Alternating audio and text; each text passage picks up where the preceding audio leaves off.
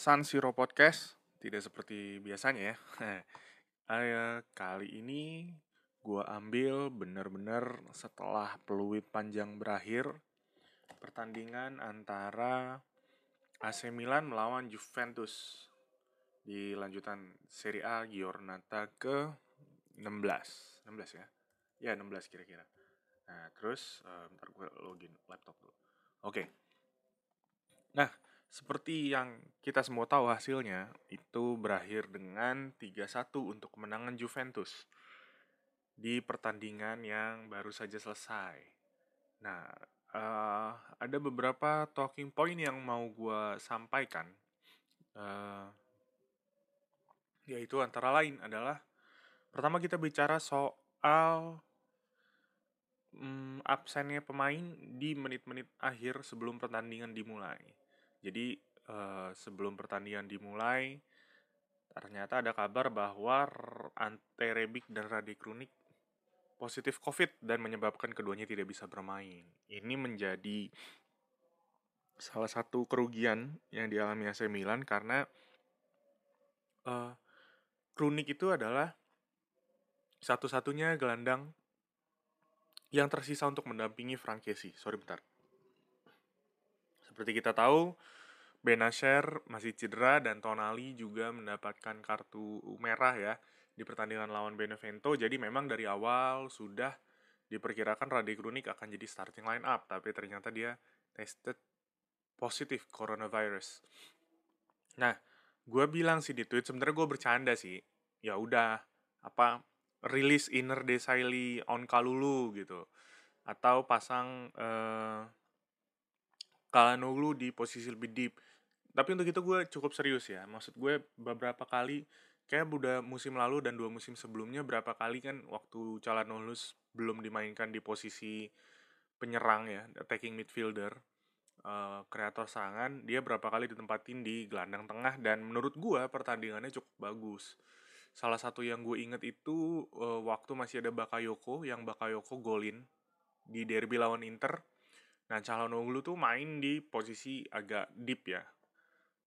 Dan dia bagus lah ngatur serangannya. Nah, tapi itu kan menurut gue, walaupun di beberapa uh, akun Twitter Milanisti yang gue follow, dibilang itu akan membuat lini tengah kita terekspos karena uh, Juve akan ngepres lebih tinggi gitu. Tapi menurut gue, uh, pertama, uh, gue tidak, gue lebih milih tidak mengganti back four dan kedua kayaknya naruh Calabria di tengah itu somehow juga bukan sebuah solusi yang brilian gitu, bukan dia bukan Joshua Kimmich atau bukan siapa gitu ya Calabria is Calabria gitu.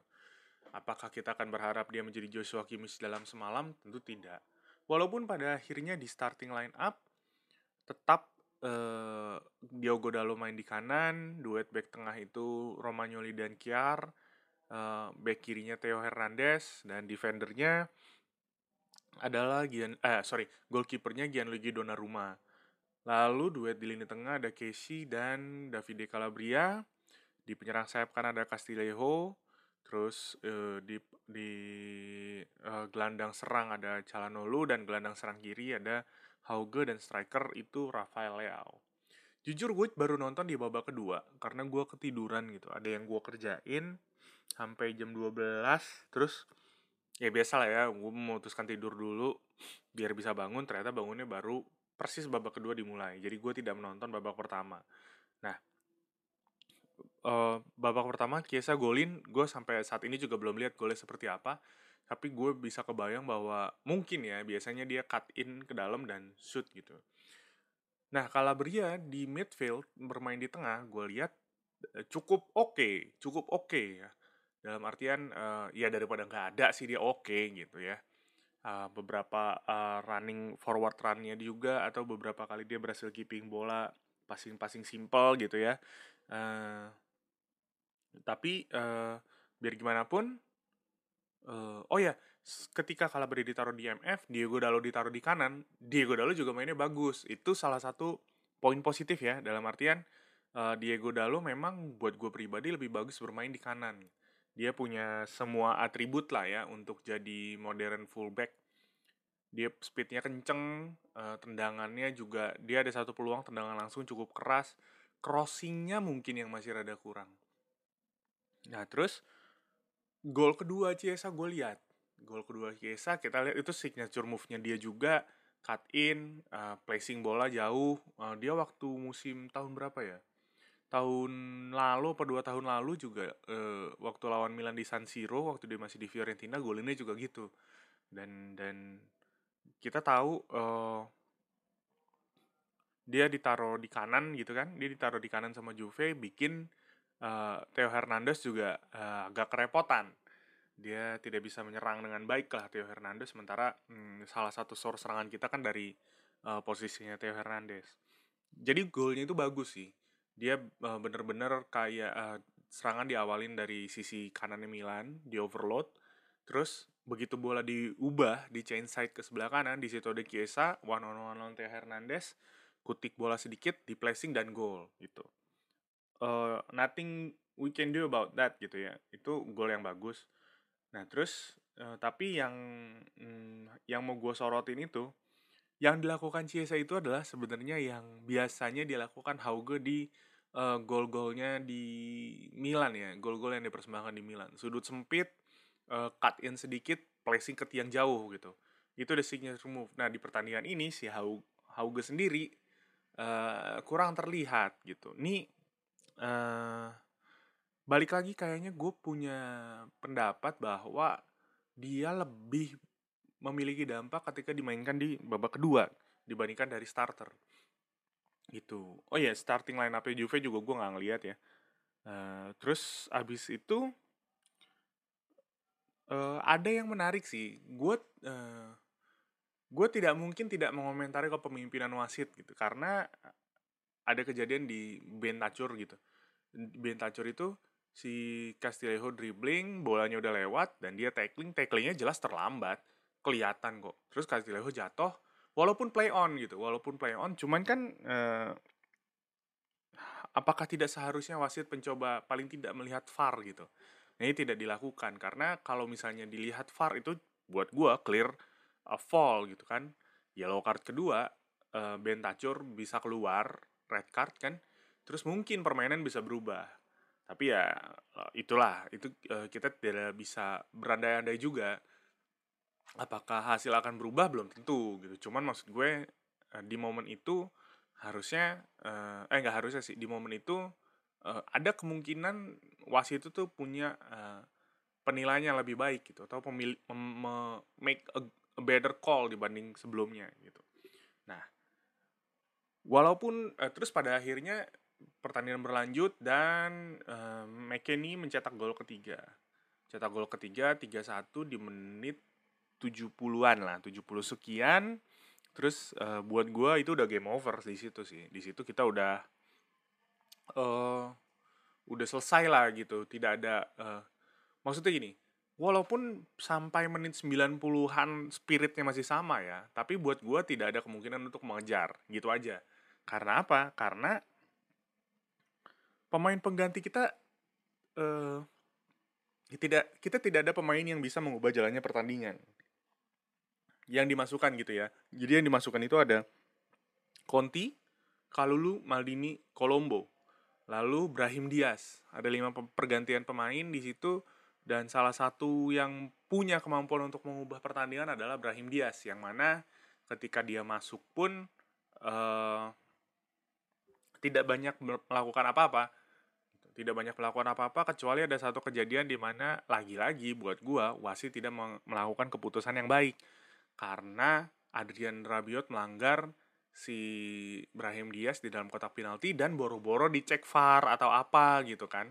Nggak ada play on aja gitu. Padahal uh, balik lagi menurut gue itu jelas-jelas tackle-nya tidak mengenai bola gitu kan. Bolanya di kaki kirinya Brahim si Rabiot datang dari kanan. Nah itu bahkan panggilan VAR juga tidak. Cuman balik lagi ya udah gitu ya. Gue tidak uh, berintensi apa-apa, cuman memang kadang-kadang seperti itu. Kadang-kadang wasit melakukan keputusan yang yang nggak bisa kita pahami juga gitu kan ya. biar gimana pun dia pengaldi di lapangan tapi terlepas daripada keputusan wasit buat gue sendiri memang lawan Juve ini adalah calculated loss gitu pertama ada beberapa faktor gitu kita tidak tampil dengan pemain-pemain terbaik kita kita nggak apa Ibrahimovic nggak main Fran Kessie nggak main terus uh, dua pemain itulah ya Ante Rebic juga tidak main gitu terus uh, berbagai macam cedera gitu dan tapi yang lebih daripada masalah cedera pemain adalah di sini kelihatan bahwa squad kita memang tipis dibandingkan Juve gitu. Makanya menurut gue ya udah lawan Juve itu calculated loss. Kita tidak terkalahkan sampai saat ini saja sudah sangat luar biasa dengan squad ini ya. Berkali-kali gue juga udah bilang. Cuman lawan Juve is another level gitu. Bahkan dengan full team pun kita mesti eh, usahanya lebih ekstra keras apalagi dengan tidak full team. Sebagai contoh, uh, Juve melakukan pergantian pemain dengan memasukkan McKennie, Kulusevski, Arthur sama Demiral. Itu kan Kulusevski dan Demiral itu kan sendiri eh sorry Kulusevski dan Arthur sendiri adalah pemain-pemain tipikal pemain yang bisa mengubah pertandingan gitu. At least kualitas pelapis mereka tidak jauh berbeda dengan pemain yang digantikan. Yang digantikan tuh Dybala, Chiesa, terus Bentacur sendiri, Terus yang terakhir yang digantiin Demiral tuh siapa ya? Gue lupa deh. Nah, ini uh, jadi buat gue pertama ini calculated loss dan kedua kekalahan datang di saat yang tepat. Karena apa? Berkali-kali kita diselamatkan oleh uh, kemampuan individu ya. Paling dekat tentu lawan Lazio kemarin. Nah, itu yang seolah-olah membuat Milan itu sepertinya punya skuad yang bagus gitu. Sepertinya punya skuad yang cukup padahal tidak. Padahal kita berkali-kali apa gue berkali-kali ngelihat bahwa skuad ini kelelahan gitu dan tidak ada pelapis yang sebanding.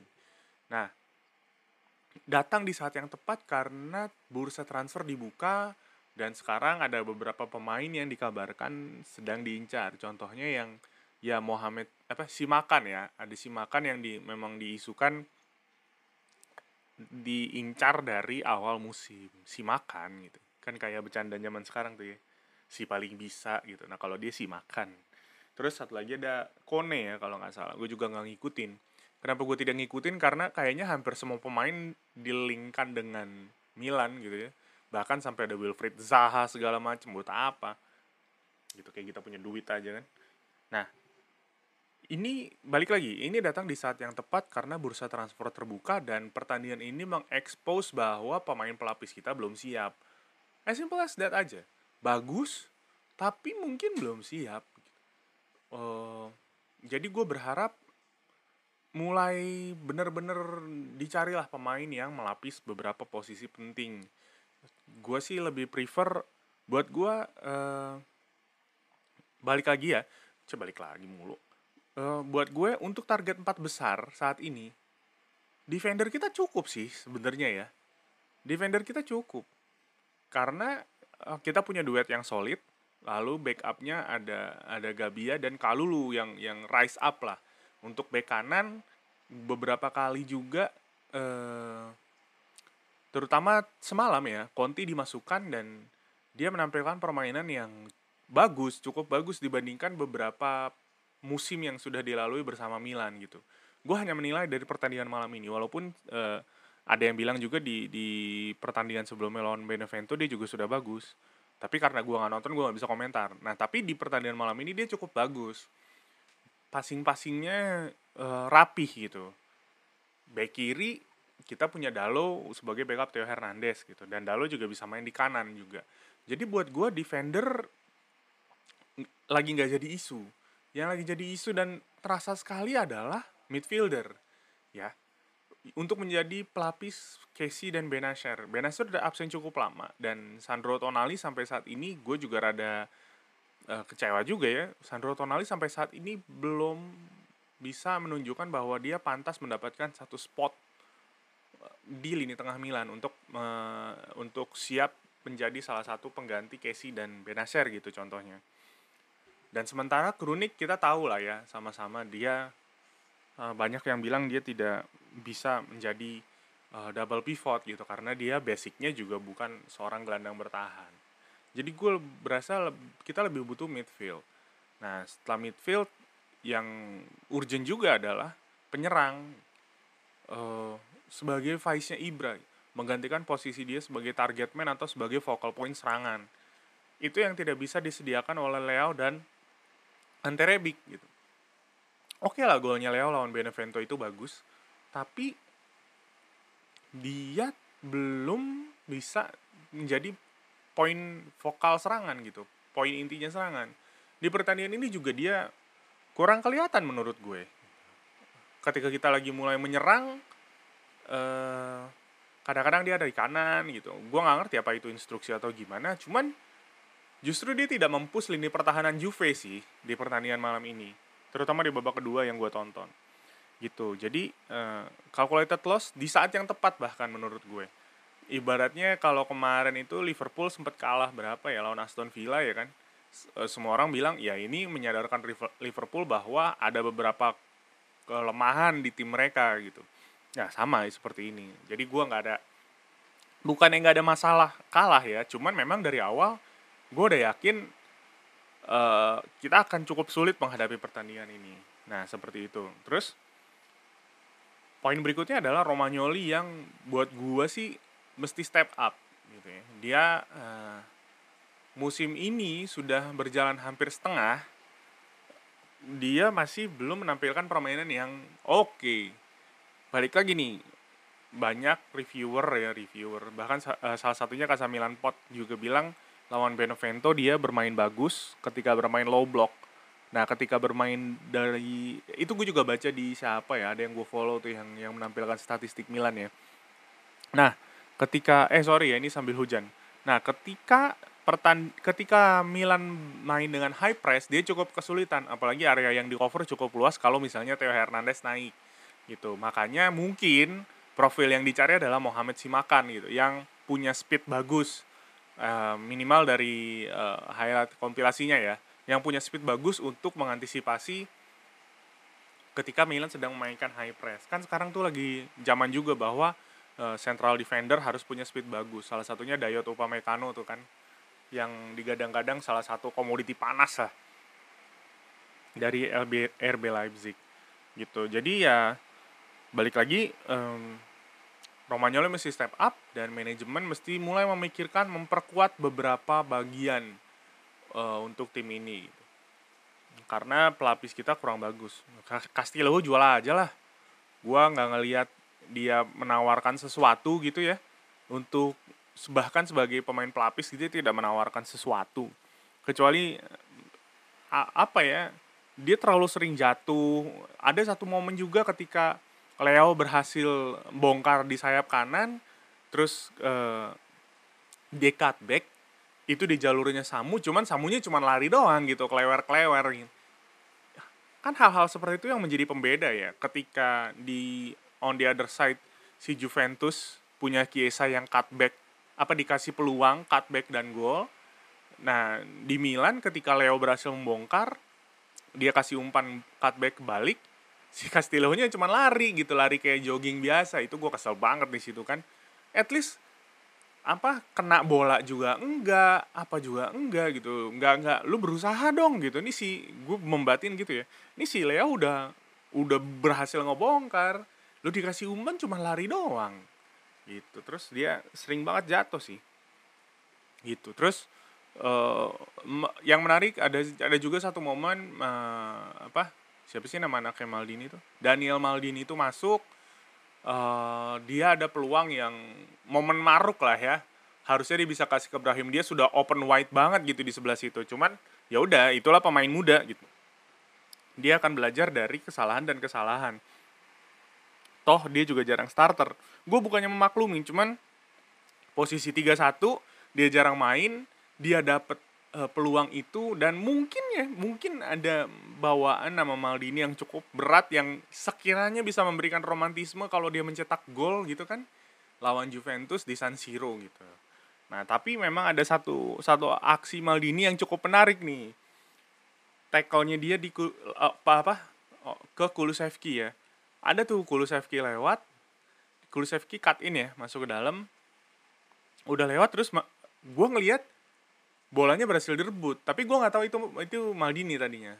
Wih, gampang banget bolanya kerebut gitu. Good tackle. Terus ternyata gue dengar komentatornya bilang bahwa uh, ya um, dia mungkin Maldini mungkin mesti mengconsider uh, menempati posisi yang lebih defensif. Oh pantesan gitu. Karena kan lawan Roma lawan siapa ada tuh kompilasi-kompilasi yang menunjukkan bahwa tacklingnya dia tuh bagus banget. Coba dipikirkan lagi lah mungkin dia memang apa ya nama Maldini cocok untuk sebuah peran yang lebih menyerang. Begitu. Nah gua, dari gue segitu aja ya e, kesimpulannya adalah bahwa sebenarnya secara intensitas Milan sudah bagus. Kita sampai menit ya sampai menit akhir masih menyerang kok. Ada beberapa kali Calhanoglu juga ada syutingan yang pas ke ke Chesney balik lagi secara mental secara intensitas kita sudah benar cuman memang kan kemenangan lawan Lazio tidak datang terus-menerus di setiap pertandingan. Gitu. Ketika kita bisa menang dramatis, ketika kita uh, bisa menunjukkan bahwa selama kita punya semangat juga bisa gitu. Kadang-kadang semangat saja tidak cukup. Gitu. Karena contohnya di pertandingan ini, intensitasnya ada, semangatnya ada, cuman memang uh, teknik dan kualitas uh, overall squad yang dimiliki menjadi pembeda. Dan pada saat ini dan kebetulan di saat ini eh, lawannya Juve. Kelihatannya kelemahan-kelemahan itu dilawan di ketika lawan kita Juventus yang memang punya skuad yang lebih baik. Gitu saja. Uh, jadi menurut gue mentally Milan tuh masih bagus aja sih gitu. Dan ini memang calculated loss. Uh, kalau misalnya masih ada yang bilang wah kita memang gagal mempertahankan uh, unbeatable. Ya memang dari awal bukan targetnya unbeatable gitu. Targetnya dari awal masuk ke Liga Champion. Berbicara Scudetto boleh lah tipis-tipis cuman jangan berharap gitu. Ya dan saat ini posisi kita masih di klasemen uh, pemuncak klasemen poin sama dengan Inter terus sama Juventus beda tiga pertandingan eh sama Juventus beda berapa sih? 6 apa 7 poin Juventus masih punya sisa satu pertandingan yang lawan Napoli yang akhirnya ditunda. Jadi kita memang kalah but it's not a bad result after all. Uh, ini hasil yang gua rasa kita semua sih dalam hati juga udah tahu bahwa lawan Juve akan sulit menang dan buat gua kemenangan eh kekalahan ini datang di saat yang tepat ketika bursa transfer sudah dibuka. Uh, yang gue harap adalah semoga ini tidak menjadi tren buruk seperti tim-tim Pioli sebelumnya yang di mana mereka punya rentetan yang bagus tapi ketika kalah mentalnya langsung drop gitu. Semoga itu tidak terjadi dan pertandingan berikutnya lawan Torino di Liga Italia di Serie A, semoga kita bisa bounce back. Segitu aja sih dari gue ya. Terima kasih untuk untuk ngedengerin. Uh, gue lupa selamat tahun baru buat kalian semua. Jaga-jaga kesehatan, uh, kurangi kegiatan-kegiatan yang tidak perlu di, di luar rumah ya. Kecuali kalau lo mesti pergi ke kantor atau lo pers, per, mesti pergi mencari nafkah gitu ya silahkan keluar. Terlepas dari itu sebisa mungkin uh, stay at home aja lah. Gue tahu memang eh, nggak uh, enak sebenarnya ngelihat di sosial media orang-orang tuh udah mulai nongkrong sepedahan gitu. Cuman covid juga lagi menggila ya di Indonesia ini. Uh, positivity rate-nya udah luar biasa terus udah udah ada isu bahwa bed bed rumah sakit juga sudah penuh. Ya dalam kondisi seperti ini emang kita seperti disuruh untuk menjaga kesehatan kita sendiri ya udahlah tetaplah di rumah. Baik segitu aja ya dari gue. Thank you for uh, listening. Jangan lupa uh, follow uh, akun twitter sansiro at sansiro podcast. Uh, kita bisa ngobrol-ngobrol di sana kita bisa berinteraksi. Terima kasih banget sudah mendengarkan Chao.